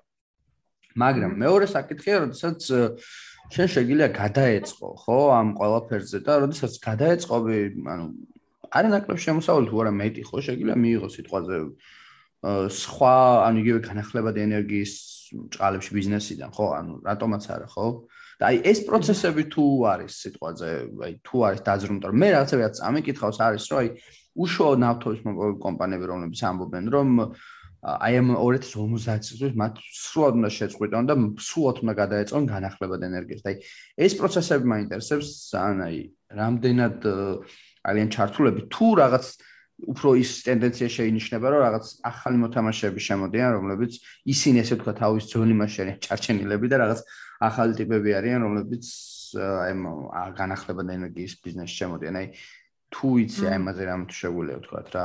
გარკვეულწილად ორივე იქნება. ანუ ჯერჯერობით მაგალითად მე ვერ ხედავ დიდად იმის პრობლემას, რომ ნავთობის მოპოვებლებში ექნა დიდი პრობლემა, იმიტომ რომ ზოგადად მაინც უდიდესი ნაწილი ამ წაროზე არის დაფუძნებული, ნენელა შემოდის ეს განახლებადი რესურსები, რა თქმა უნდა, და განახლებადი ენერგიაც, მაგრამ მაინც დიდწილად ნავთობზე ვართ დამოკიდებული, მაგრამ ვინც პროგრესულად აზროვნებს და ვინც ხედავს, რომ მომავალი არის განახლებადი ენერგიის წყაროების, ნუ ნაწილი გადაერთობა, ნაწილი ახალი მოთამაშეები შემოდის. ხო ხო არა ეგ ეგ ის არის აქ კიდე ანუ ახლა ზუსტად ხა ვეღარ ვიხსენებ მაგრამ რაღაც წავიკითხე რაღაც მახსოვს აი უშუალოდ ნავთობ მომწოდო მომპოვებული კომპანიების წარმომადგენლები როგორ ამბობდნენ იმას თუ რამდენიმე წელიწადში როგორ აქვს გეგმა რომ კლიენტად გადააწყონ ესე ვთქვათ თავისი ბიზნესი რა და ხო და ეს ძალიან საინტერესო მაგალითი ხო ხათ შორის ჩვენ გვედო next-ზე და უბრალოდ ეხა ვეღარ ვიხსენებ კომპანიის სახელს სამწუხაროდ. ხო კიდე ალტერნატივებზე რო საუბრობდი კიდე ვახსენე ცხოველური ფერმები და ამ ხრივაც ხო ეგ კიდე მაგარი საინტერესო იმიტომ რომ ეს ცხოველების ის აი შენ კონდა სტატია ხო? წვადზე ესე ვთქვათ. აა და ეგ მაგ სტატიაზე შეგვიძლია ვისაუბროთ რომელსაც საკმაოდ დიდი გამოხმაურება მოყვა. მათ შორის ძალიან ბევრი გაბრაზდა იმას და როგორც რაღაც მათთვის წმინდას შეეხნენ წვადი მათთვის ძალიან წმინდა იყო და აი ეს მოკლედ მოდი განვიხილოთ ეგეთ საინტერესო თემა სამწუხაროდ გლობალური დათბობისგან განსხვავებით ამას უფრო მეტი скеპტიკოს იყოს, ანუ უფრო მეტი ადამიანია განწყობილი ამ საკითხის მიმართ скеპტიკურად, ვიდრე თქვა გლობალური დათბობის მიმართ. აა ზოგადად ცხოველური ფერმები მიიჩნევა, რომ უბრალოდ დათვლილია, რომ იმაზე მეტად აბინძურებს გარემოს, ვიდრე ტრანსპორტი. აა პირველ მეორეა ხო ეს ესე ვთქვათ როგორც მე მგონი მე მგონი მესამეა მეორე არ მახსოვს ზუსტად რომელი. აჰა. ოკეი. მესამე არის მე მგონი ეს ფერმები და მეოთხე არის უკვე ტრანსპორტი რაღაცა 13 და 12%-ით არიან დაახლოებით ერთად ეს ორი. აჰა. აჰა. აა დამოკლედ ხო სადუყავი ანუ ცხოველური ფერმები რა თქმა უნდა პირველ რიგში აბინძურებენ გარემოს მეთანით რომელიც უფრო ისეთ სათბურის აირს წარმოადგენს, ანუ უფრო მეტად ათბობს ატმოსფეროს ვიდრე თქვა ნახშირორჟანგი. გარდა ამისა, ამას დამატებული ის, რომ ძალიან დიდ ტერიტორიას იკავებენ და ასევე დიდ ტერიტორიას იკავებს ამათი ისინი. რა ქვია იმის ეს? ამათი საკვები სადაც მოყავთ. სავარგულები? ხო, ხო. ხო, ამათი ძალიან დიდ ტერიტორიას იკავებს ამათი სავარგულები, რომლებიც აა სადაც მოყავთ ამათი საკვები. ზუსტად ციფრები არ მახსოვს, მაგრამ ამ ცხოველების გამოყვებაზე იმაზე ბევრად მეტი მარცვლეული იხარჯება, ვიდრე ვთქვათ ადამიანების გამოყვებაზე. ხო, ну რაც ხო. ხო, რაც უცნაურია და შეიძლება ითქვას, რომ აა შიმშილის პრობლემას ეს კიდევ უფრო ამწევებს. აა ხო, ნუ რეალურად ახლა ეს შინაურ ცხოვრებაში ადამიანები ვიკვებებით, ესე ვთქვათ, ადამიანები ვიკვებებიან.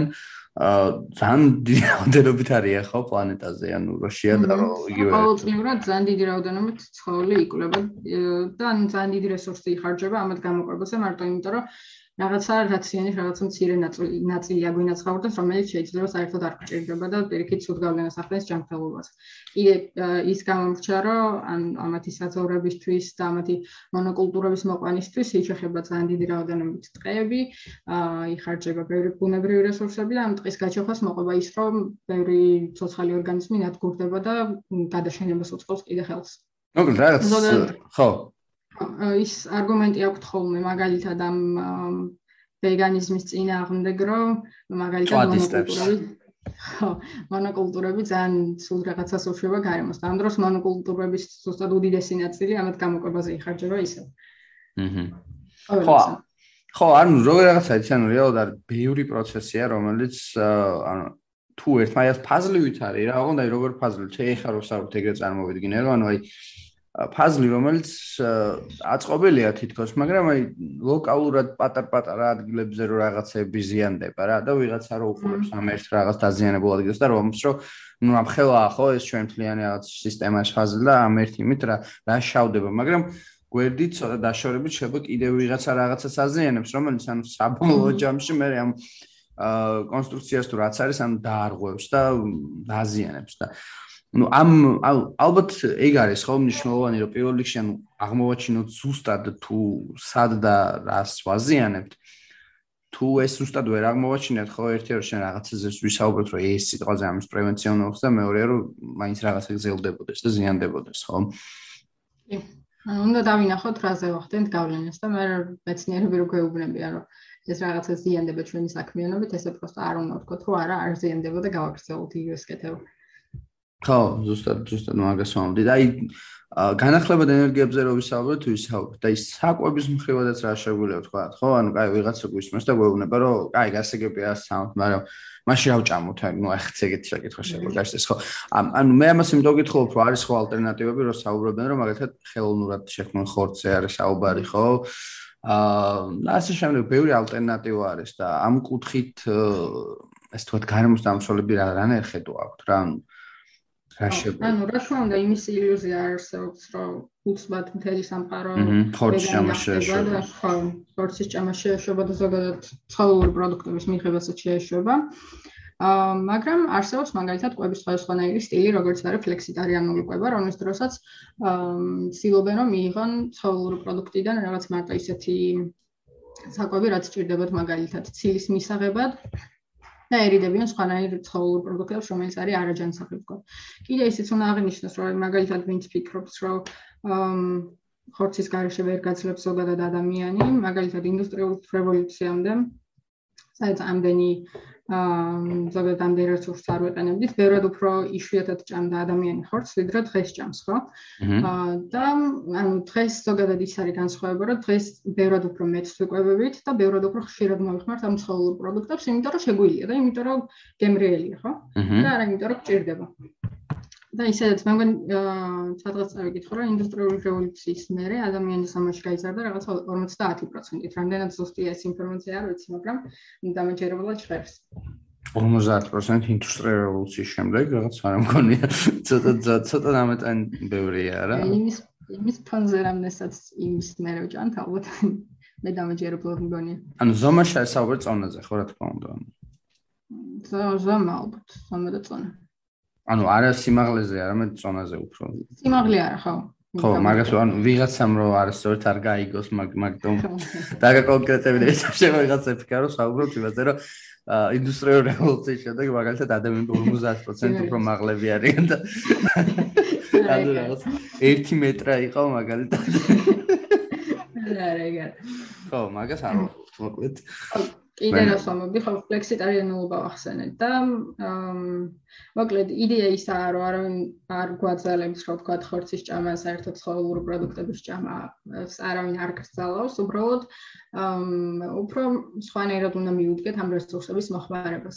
ხაი, ხელოვნურ ხორცზე როგორ ფიქრობ, ანუ რას ფიქრობ უფრო სწორედ?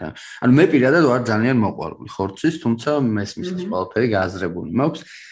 მაგრამ ანუ აი ესე ვთქვათ მასში ვარ რა დილემის წინაშე ვარ მოკლედ. ძალიან ძალიან ძალიან დამოკიდებული ვარ. აი ხო არიან ადამიანები რაღაცასთან დამოკიდებული ხო ყველანი რაღაცაზე ვარ დამოკიდებული. აი ასევე მოქვს აი მავნიჩვევა მაგალითად მას ვიწვალებ ხოლმე რა ვერ ვჩერდები სულ ვიწვალებ ამ თმას რა ერთ ადგილასთან და ნუ აი სულ მეუბნები რომ თმა გაგწდება მაგ ადგილას და ვატყობ რომ მე მაგ ადგილას მართლა თმა მსურდება და ხა წარმოგიდგენე როდესაც თელ ცხოვრება ხორს ჭამდა, აი, მაგასაც მიჩოვლი ხარ, ანუ როგორი, იმ ანუ იმის ეს მაგალითი იმიტომ მეტყვი, იმასაც კი ვერ ვანებებ, მაინც აი, ეს მანიაკალურად ვაწვალებ ამ თმას და როგორი ეხა ადგე და ხორს ერთი იმით აა დაანებოთ. ანუ ყველა დამოკიდებული არ არის, რა თქმა უნდა, ძალიან ბევრი იქნება, ვინც ხორცზე არის დამოკიდებული და თან ეს არც უყვარს დიდად ისე. ხო, ბევრს არც უყვარს და ზოგი ზოგს არ უყვარს მაგალითად ხაშლომა, მაგრამ ჰამბურგერის ჭამა ყოველდღე შეუძლია, ხო? და ანუ ისიც უნდა ითქვას, რომ ხორცს ძირითადად ვიღებ, ძირითადად ვიღებ ცილის გამო, ცილა რომ მივიღოთ საკმარისი და ამ დროს რაღაც ფერმებში რო ყოფ გამოკეტილი ცხოველები, იმათი ორგანიზმი ვერც ასწრებს ბოლომდე საკვების ცილად გარდაქმნას და ბოლოს ვერ ვიღებთ იმას, რის გამოც რის გამოც ზოგადად უცილო ხორცს ჭამთ ესე შეგვიძლია ვთქვათ. ფლაგუციულს არ არა ნაცილობ. ნაკლები ღირებულება აქვს, ვიდრე რაღაც ბუნებრივ გარემოში გახდილი ცხოველისის. ხო და ალტერნატივებზე გითხე რომ ანუ აი ხელოვნური ხორცის ამბავი მაინტერესებს მე პირადად როგორც ხორცის სანდიდ მოყვარულს ასე თქვა ჭამის. ძალიან მომწონს ეს ხელოვნური ხორცის იდეა და როგორც ვიცი გაიხსნება კიდეც მალე ისრაელში ეს ხელოვნური ხორცის პირველი კი არის კიდევაც უკვე. ქარხანაც მაგრამ რაღაც რესტორნებში რო გამოჩნდა სადღაც ადგილობრივ რაღაც კი ისრაელში ხსნიდნენ ქარხანას უბრალოდ როგორც ვიცი, გაიხსნა უბრალოდ, როგორც ასეთ წარმოება არ დაუწყია ჯერ მე მგონი და რაღაც 1-2 წელში დაიწყებს. და ამის იდეა ბევრად უფრო მომწონს, აა იმიტომ რომ ну რა თქმა უნდა ისევ скептикურად არის ხალხი განწყობილი ვეგანური დიეტის მიმართ, შესაბამისად ჯობია გამოიყენოს თქვა ქარხნის ხორცი, ვიდრე ისეთი ხორცი, რომელიც არც სასარგებლოა, ჯანმრთელობას აზიანებს, რომლის წარმოების დროსაც მოიხმარენ უდიდესი რაოდენობის რესურსებს და ასევე აბინძურებენ წყალს, ჰაერს, აა მიწას და ასე შემდეგ. ამიტომ ძალიან კარგი კარგი ალტერნატივა მგონია ეგ. გარდა ამისა, შემოდის ალტერნატივები მაგალითად ამ რძის, კვერცხის და ასე შემდეგ ვეგანური ალტერნატივები არსებობს კიდევ ტოფუ და ასე შემდეგ სხვა ძალიან კარგი პროდუქტი ვეგანური. და საქართველოსიც და უცხოეთშიც უკვე შეინიშნება ეს ტენდენცია, რომ აქტიურად გადადის ხალხი ამ ალტერნატივებს. აჰა. და ბევრად უფრო ანუ იზრდება როგორც ეს და ზოგადად ამ პროდუქტების მოხმარება მოხმარება მაგალითად ბრიტანეთში როგორც ვიცი რამდენიმე წელში გაიზარდა 60%-ით. ამიტომ ფიქრობ რომ ბევრგან განსაკუთრებით განვითარებულ ქვეყნებში ეს მიდგომა, რომ ნაკლები ცხოველური პროდუქტები უნდა მივიღოთ და ზოგადად იმის გაცნობიერება, რომ ამ ეს ცხოველური ფერმები ვნებს გარემოს ან იზრდება და ძალიან კარგი ტენდენცია მგონია. აჰა. აი ეს სულ აპარაკობთ რაღაც უცხოეთში ხდება, ეს ხდება, ეს ხდება და აი როგორც ქართულებს ესე ვთქვათ და შენ უშუალოდ საქართველოს ხდება ამ კუთხით აქტივისტს აი აქ მხრივ აქ რა ხდება ამ მხრივ რა? ანუ როგორც აქტივიზმის მხრივ, მეორეს მხრივ რაღაცა სწავლების მხრივ, ანუ შესაძაც ადამიანები რაღაც ცდილობენ ეკოლოგიის რაღაც გავსთემებს გაიცნონ ისწავლონ.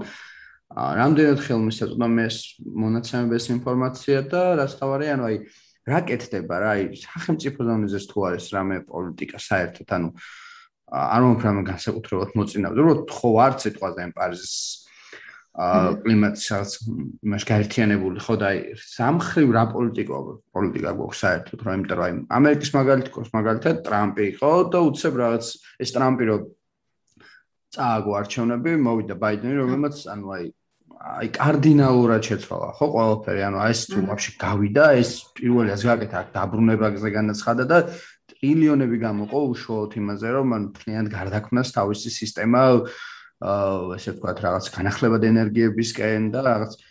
მოკლედ ის თუ იყო უწმუნამხლე ეს არის ფანდიკის მორწმუნე შეიძლება ითქვას რაღაც დონეზე ამის და აქ რა ხდება ჩვენთან საქართველოსში ამ კუთხით კი და განახლებადი ენერგიების წყაროებსაც ანუწყობს ხელს ფაიდანი კი კი იმიტომ რომ მართლა ტრილიონები ჩადო რა აი განსაკუთრებით ეს ავტომობილების ელექტრონულობის გააწყობაზე რა სახელმწიფო ავტომობილების თუ არ მეშლება წლის წლის ბოლოს მოვალწისთვის ლიანთ უნდა გადაეწყოს უკვე ამაზე მოაწერა ხელა მოკლედ თელამბებში და აქ ვაფშე აშვებია ჩვენთან ცერ შეგვიძლია თქვა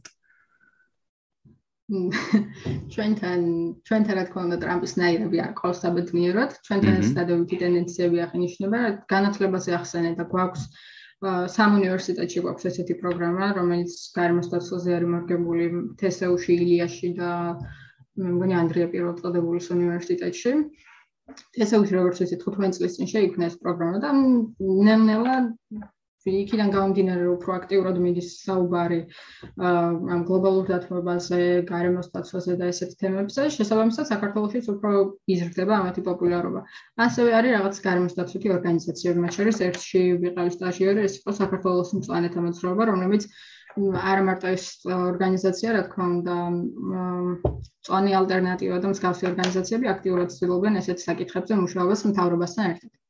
აჰა. ანუ მე მგონი ახლა უკვე სოფლის მეურნეობის და გარემოსდაცვის სამინისტრო ამ სამინისტროსთან ერთად. აა ასევე მუშაობენ უცხოური ორგანიზაციები, როგორც არის აა სენი, დედამიწის მეგობრები და ასე შემდეგ. და კიდევ მე რასაც უყურებ ჩემ გამოცდილებიდან, ანუ ბევრი საინტერესო პროექტი ტარდება ამ ხრი, მაგალითად მე რო ვაბარებდი ეკოლოგიაზე, მაშინ ძირითადად ვისმენი, რომ აი საქართველოს ეკოლოგიით რა უნდა გააკეთო და ასე შემდეგ და ჯერჯერობით შეიძლება ბევრი ვერაფერი გააკეთო, მაგრამ ხედავ რომ ბევრი შესაძლებლობა აქვს იმ ადამიანებს, რომლებიც ამ მიმართულებით არიან დაინტერესებული. აჰა. კი ბატონო. აა და იცი რა არის აი საუბრობთ ამ ყველაფერზე ხო და აი რაღაც სანსკე შეიძლება აუშეს შეკითხვა რომ სანდო მოიძიოს აი ამაზე მაგალითად სანდო და ესეთი ინფორმაცია რა ანუ რაც შეუძლია რომ ენდოს რა. აა კლიმატის სრულებთან დაკავშირებით. ერთი არა ჩვენ პოდკასტს მოусმენს მათ შორის იგივე next onji შეუძლია ხო თაუყურადონოს და იქაც. მაგრამ იგივე next-ის ახლა ჩვენს ხო ართ უფრო რაღაც თლიანად მეცნიერებაზე წერთ, შეიძლება ეს ხოს ტექნოლოგიები, მაგრამ აი გულისხმობ ხო ხდები ასე იგი, აი უშუალოდ კლიმატის ცვლილებებთან დაკავშირებით თუ არის რამე ისეთი წყაროები, რასაც აი აქტიურად შეგიძლია ადევნო, აი გინდაც აქტივიზმის კუთხით, ანუ აი საქართველოს თუ არის რაღაც ისეთი ორგანიზაციები, რომლებსაც აქვს თავის Facebook page-ი, იქნება საიტი, იქნება სადაც აქტიურად წერენ ამაზე, მოკლედ აი აი აი ამ ხრივ საჩეული, აი საჩეული აი ამ ხრივ რაღაც ისე ვთქვათ განათლდა ეს არ ვიცი განათლდეს არა უფრო აი პულს რო ხელი ედოს მოკლედ რა ანუ ესეთ ბოლსკენ რო მივცეთ რა აი ამ ხრივაც რაღაც რაღაც საინტერესო იქნება. აჰა. ამ ზოგადად ამ ხრივ ინფორმაციის მიღება ძალიან ბევრ წყაროზე შეიძლება უამრავ წყაროზე ინტერნეტში ძირითადად ინგლისურად ალბათ იმიტომ რომ უფრო სტანდარტ წყაროები მხდება ინგლისურად ვიდრე თქვა რუსულად. აა და აი ნებისმიერ წყაროზე თუნდაც YouTube-ზე მე უბრალოდ დიდი რაღაც სტატიების კითხვა რომ ეზარება შემიძლია YouTube-ზე დავსერჩო და რაღაც პროცესი ძალიან მარტივად ამიხსნა და იმით ვისწავლო რაღაც საბაზისო ინფორმაციის გაგება თუ მჭირდება. აჰა. დანარჩენი ინფორმაციას და პროექტებს რაც შეეხება Sense აქვს ძალიან კარგი პროექტები და კონკურსები მწვანე მეწარმეებს, აი ცოტა ხნის წინ იყო კონკურსი მაგალითად დაბინძურებაზე ჟურნალისტებისთვის და ზოგადად ძალიან მრავალმხრივი და საინტერესო კონკურსები აქვს Sense და კიდევ მე მგონი ვებინარებიც აქვს. აჰა. კიდევ რა თქმა უნდა შეუძლიათ საქართველოს წვანით ამოთხრობის პროექტებში მონაწილეობა, მაგალითად მე სანამ ვიყავი მათი სტაჟიორი, მაშინ იყო ასეთი პროექტი ლიდერთა სკოლა, სადაც საუბრობდით მდგრადი განვითარების პრინციპებზე. ამ კიდევ როგორც ვიცი, ამ სოფლის უბრალოდ სოფლის მეურნეობის და გარემოს დაცვის სამინისტროსაც აქვს საინტერესო პროექტები, ასევე დაცული ტერიტორიების სააგენტოს გარემოს დაცვითი ინფორმაციის ცენტრში და ასე შემდეგ. ანუ როგორც აღნიშნე, ბევრი შესაძლებლობა არის და ბევრგან შეიძლება საინტერესო ინფორმაციის მოძიება და რაღაც სიახლეების გაცნობა, ну, რაც საქართველოსში გვაქვს. აჰა. კი ბატონო. აა და რა მე მგონი ნელა შეგვიძლია რაღაც დასრულისკენ წავიდეთ და მმ მოდი რაღაც ცოტა შორს გავიხედოთ რა ამ ხრივ და აი ხო არა დღესაც წავიკითხე სტატია მე მგონი გუშინ დავდეთ ჩვენ რომ აი რაღაც სიტყვაზე 2100 წლისთვის როგორი არის აა ანტის მომავალიო და იქაც ეწერა რაღაც კვლევა იყო რომ ჩვენ სიმაც ჩაატარეს და იქაც ეწერა რომ ну ინფორმაციის სიცხისთვის როგორი ფორმა ჩვენ ვართ არც ეს ახარბიელო რა ანუ ის იგი კლიმატის ცვლილებებზე იყო საუბარი. და აი შენ როგორ წარმოგიდგენია მოკლედ კარგი სცენარის და ცუდი სცენარის რამდენიმე შევაჯამოთ მოკლედ ალბათ ამით შეგვიძლია დავასრულოთ კიდევ ასნეულნება კარგი სცენარით როგორი იქნება ესე ვთქვათ საუკუნის დასასრული და უდი სცენარით როგორი იქნება და მე თუ გინდა ეს ორი ერთმანეთს შევადაროთ და რაღაც შუალედური გამოვიყვანოთ რომ რეალური რეალური რომელიც არის ხო უფრო ამ ამ გადმოსახედიდან როგორც გონია უფრო რეალური. აა კარგი სცენარის შემთხვევაში ალბათ მოსახლეობის რაოდენობა უნდა დაიკლოს დედამიწაზე და იმაზე ანუ ეხლა გვაქვს ოღონდ ერთ სიტყვით ჩიპებით არ დაიკლებენ ანუ არ შეიძლება არ ვაპირებთ რომ რაღაც მაგის თავი. შავდენობა. ხო მაგის ამბობენ ხოლმე ძალიან ხშირად რომ ანუ სპეციალურად აპირებენ ეგენი მოსახლეობის შემცირებას და ვაქცინებით უნდა დაფხოცონ ხო მაგას არ ვუწევთ ხო, არა, ბუნებრივი პროცესებს გულისხმობთ, ბუნებრივი მოსახლეობის რაოდენობის შემცირებას, ასე მდგრადი განვითარების პრინციპების გათვალისწინებას ყველაფერში, განსაკუთრებით კომპანიების და მთავრობების მიერ, ასევე ინდივიდუალურ დონეზეც, რა თქმა უნდა, ესეც მნიშვნელოვანი ფაქტორია. აჰა. ან რა თქმა უნდა, ზოგადად გლობალური დათბობის პრობლემის გაანალიზება არის მნიშვნელოვანი თემი მოსახლეობის მიერ და ზოგადად ბუნებრივი რესურსების მოხმარების შემცირება მგონია მთავარი მთავარი რა ქვია მას? თავარი ესე ვთქვათ ის რაც მოგვიტანს აი კარგო არიანტს რომელზეც ვაპარაკობთ ხო? ახლა რომელიც გვაწყობთ ამ შემთხვევაში. ანუ მნიშვნელოვანი არის ბუნებრივი რესურსების მოხმარების შემცირება ზოგადად გარემოს დაცვაზე და გლობალურ დათბობაზე ცნობიერების ამაღლება და რაც მთავარია საუკეთესო ვარიანტი რაღაცა სასწაულებრივი ახალი ტექნოლოგიების გამოგონება რომელიც კლიმატის კრიზისთან ბრძოლაში დაგვეხმარება აი მოსახლეობის შემცირებაზე რო საუბრობ, მოსახლეობის შემცირება გასაგებია რომ შობადობის იმით უნდა მოხდეს ამ შემთხვევაში, ხო?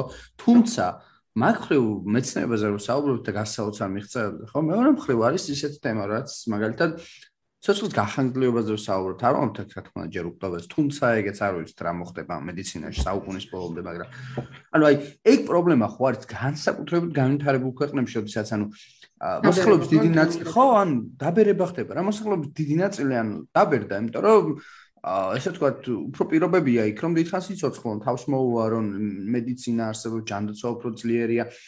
და ანუ შობადობა მეორე მხრივ კიდე შედარებით შემცირებულია და ეს ხალხე პრობლემაა, იმიტომ რომ ანუ აა ანუ ბებია და ბაბუა მოკლედ ბევრია და შვილი-შვილი ლაკლებია და ეგ ეგ რა ვიცი, რამდენად რეალურია?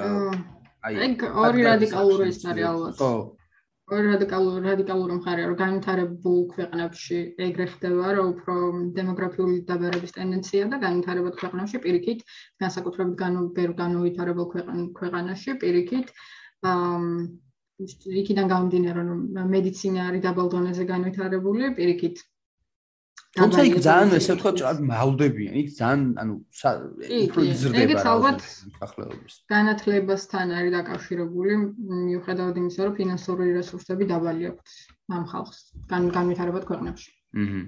ხო და ანუ მე უბრალოდ ის ვთქვი, რომ ანუ ცოტა მაგკუთხით, ცოტა უფრო скеპტიკურად უყურებ, იმიტომ რომ ვერ ვხედავ იმ იმ ფორმულას, ჭალებში ფორმულას, რითაც აა ეს კარგი შედეგი მიიღწევა იმ შემთხვევაში საუბრობდი შენ რაღაც მოსახლეობის რაოდენობაზე, იმიტომ რომ აშკარა აშკარა უფრო სხვა პროცესები არის თითქოს.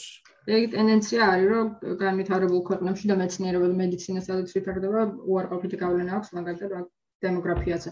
მაგრამ ალბათ მაგის დაბალანსება შეიძლება.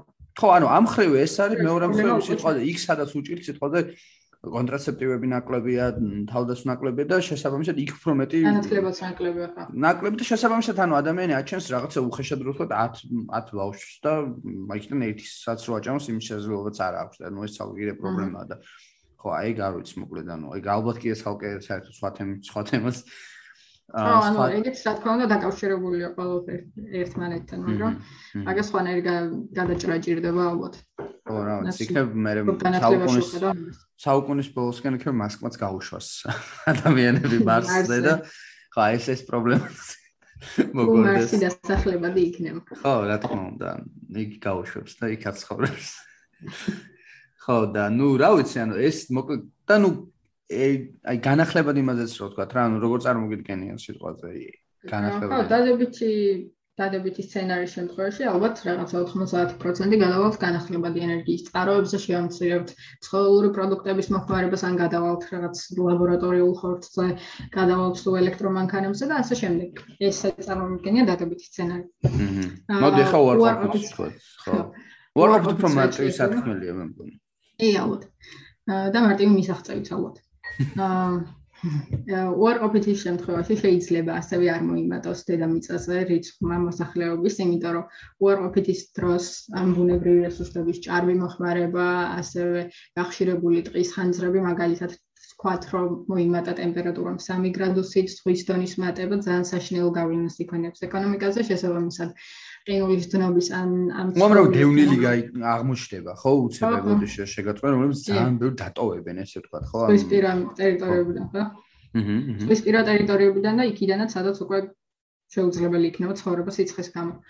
ამ და მაგალითად ჰაერის ხარისხის გამო სადაც ვთქვა უკვე არის რაღაც ისეთი რეგიონები მსოფლიოში სადაც თქო თითქმის შეუძლებელია ხო ამ შედეგად კიდევ ისიც უნდა აღნიშნოს რომ რაც უფრო ახლო კონტაქტში შევდივართ ბუნებასთან მით უფრო ადვილია მცხოვრ ცხოველური ვირუსების ადამიანებზე გადმოცემა რისი ბევრი შემთხვევაც უკვე ქონდა შესაბამისად ეს ვირუსები პანდემია და ეს უარყოფითი გარემო პირობები ალბათ ესეც შეემცირებს მოსახლეობის რიცხვს და რა ვიცი შეიძლება სულ თლაც სულიც არ არის ხო ან სულაც არ გავიგოთ ხალხო ანუ არ გვინდა რომ ხალხი ამოწყდეს პერიქით არა რა თქმა უნდა უბრალოდ ანუ ეგეც უარყოფით გავლენას იქონიებს იმას. აჰა უბრალოდ ეგეც გამოიწვევს ალბათ მოსახლეობის რაოდენობის შემცირებას მგონი ჯობია თავისით დარეგულირდეს და ვეცადოთ რომ დადებით უფრო ისეთი გარემო პირობები ნუ ჩავადობის კონტროლით ჩავადობის კონტროლით მოხდეს ის ვიდრე ის რომ ბევრი ადამიანი გაჩნდეს და უფრო მეტი ეწვალოს. მარტივია ასე ვთქვა კი და ბუნებრივი რესურსების გრადი გამოყენებით და გარემოს მოფრთხილებით რა თქმა უნდა. აჰა და ნუ ეხა რა გონი აქედან უფრო რეალური ანუ როგორი როგორ წამოდი ეს ორი შევავაწყოთ და ეგ არის მე მგონი. რაც ამათ შორის რაღაცა ბალანსი ალბათ. რა თქმა უნდა, ეს მალე ვერ გადავალთ მთლიანად განახლებად წყაროებზე, მაგრამ თქვათ ჩვენ თუ ვერა მაგალითად იქნება ამერიკა ან დიდი ქვეყნები თქვათ ჩინეთი რომლებიც მთავარი დამობინძურებლები არიან გადავიდნენ განახლებად ენერგიის წყაროებზე და მე უკვე დაეხმარებიან შედარებით განვითარებად ქვეყნებს რომ მიიღონ იგივე პრაქტიკები ასევე მეცნიერების განვითარება და შესაბამისი ტექნოლოგიების გამოყენებაც რეალური ამბავი მგონია იმიტომ რომ ისედაც გვაქვს უკვე ამის მაგალითები და მოსახლეობის კონტროლს ვერაფერს ვერ ვიტყვი, იმიტომ რომ ამ ხრივ პროგნოზის გაკეთება არ შემიძლია, მაგრამ რაღაცა უფრო დადებითისკენ მგონია, რომ წავალ სიტუაცია. პირველი რამდენიმე წელი არა, მაგრამ რაღაცა 2030 წლიდან მაინც. აი მე მე გეტყვი მაგალითად, რომ მე როგორ წარმოვიდგენე, მე წარმოვიდგენე, რომ განახლებად ენერგიაზე უჭოლი გადავალთ. просто აი მოსახლეობაზე ვსაუბრობ, მგონია რომ მოსახლეობის ზრდა იქნება ძალიან დიდი. ანუ ეგ მგონია რომ ანუ სიცოცხლის გახანგრძლივება სავარაუდოდ მოხდება. და წარმოვიდგინე საუკუნის ბოლოსკენ. შეიძლება იმდენი ბებერი იყოს ასე ვთქვათ. იმდენი რომ ანუ იმდენი მოხცებული ადამიანი იყოს რომ რა ვიცი ანუ. Well man man თავი პრობლემა იცი რა არის რომ თუ თუ ეს მედიცინა იმდენზე განვითარდა რომ სიცოცხლის გახანგრძლივება მოხერხდა ხომ თავი რომ ეს გახანგრძლივება იყოს ფუნქციური. ანუ ადამიანი რომელიც იცოცხლებს მაგალითად პირობითად უხეშად რო 100 წელი მაგალითად, ხო? ეს 100 წელი უნდა იყოს ისეთი, რომ მან შეძლოს იყოს პროდუქტიული, როგორც საკუთარი თავისთვის, თავის ახლობლებისთვის და გარემოსთვის, საზოგადოებისთვის და ხო აი რა ჩემ ჩემ ოპტიმიზმი იმაშია რომ რატომაც მგონია რომ ესეც გადაიჭრება ეს პრობლემა და თუ ადამიანი იქნება ამ თავისუფლად იშრომებს და ხო, შრომის უნარიანი იქნება და რაღაცა, მე მგონია რომ ეს პრობლემა მაგ კუთხით უფრო გადაიჭრება რა, რომ ანუ მგონია ეგეც იქნება. ხო, ანუ უფრო მეტი სიცოცხლის გახანგრძლივებას არ შეუწყობს მედიცინის განვითარება ხელს. რა თქმა უნდა. და უფრო მეტი ესე ვთქვათ გონება გვაყოლება, რომელიც რა ვიცი, ესე ვთქვათ, კეთილდღეობაზე უფრო მეტი ადამიანი ფიქრობს და მეტი ვიქნება. ხო, რა მე ესე ესე წარმომიდგენია და ნუ ალბათ შენთვის არ იყოს გამოჩნდება ბევრი რაღაცეთი ალტერნატივები, რაც სუფთა ტექნოლოგიური აა გადაჭრის ვერსიები, რაც ამ წამს შეება ფიზიკურად არ არის და მე და შენ ხარ ვსაუბრობ ჯერ ვერ ხვდები თუ როგორ შეიძლება იყოს ხო ეს ყველაფერი. ხო, არ ვიცი, მოკლედ მოდი ალბათ შეგვიძლია დავასრულოთ ჩვენ ბონდელ პოდკასტი ალბათ და მმ მაინც მე ვიქნეთ რომ ყველაფერი რაც ოპტიმისტურად დასრულდება და არა ისე როგორც რაღაც ჰოლივუდში ცენ ხოლმე ხო ხო ძალიან ძალიან სულად რომ თავდება ხოლმე რაღაც. ძალიან დიდი ყინულები რო დნება და ხალხი რო ანუ ხალხს რო ხალხი აი რო ყვებიან რა წარმოიდგინე საუკუნის ბოლოს რო ყვებიან რომ მე ჩემი ბაბუა ოდესღაც ოკეანის პირას ცხოვრობდა და აი ეგეთი რაღაც ეხლა რო არიან ხოლმე ჩვენ ხო დევნილები რო ყვებიან ხოლმე რაღაც ისტორიებს. იქ თელ კაცობრიობა რო დევნილია ვინც წარმოიდგინე სანაპიროზე ცხოვრობდა და ყველა რაღაცას ყვება რომ აი იქ ოდესღაც ესეთი რაღაცა იყო. ხო? ეს ნახევარ რო აღარ ყავს. ხო და ინტერსტელარში რო სიტუაცია კიდე ხო იცი რა რო უნდა გავიდნენ სხვა პლანეტაზე მართლა როგორ როგორ როგორ შეიძლება ეგ არ კონდეს ანახ ძალიან ბევრს მოწონს და ვერ უყურებ.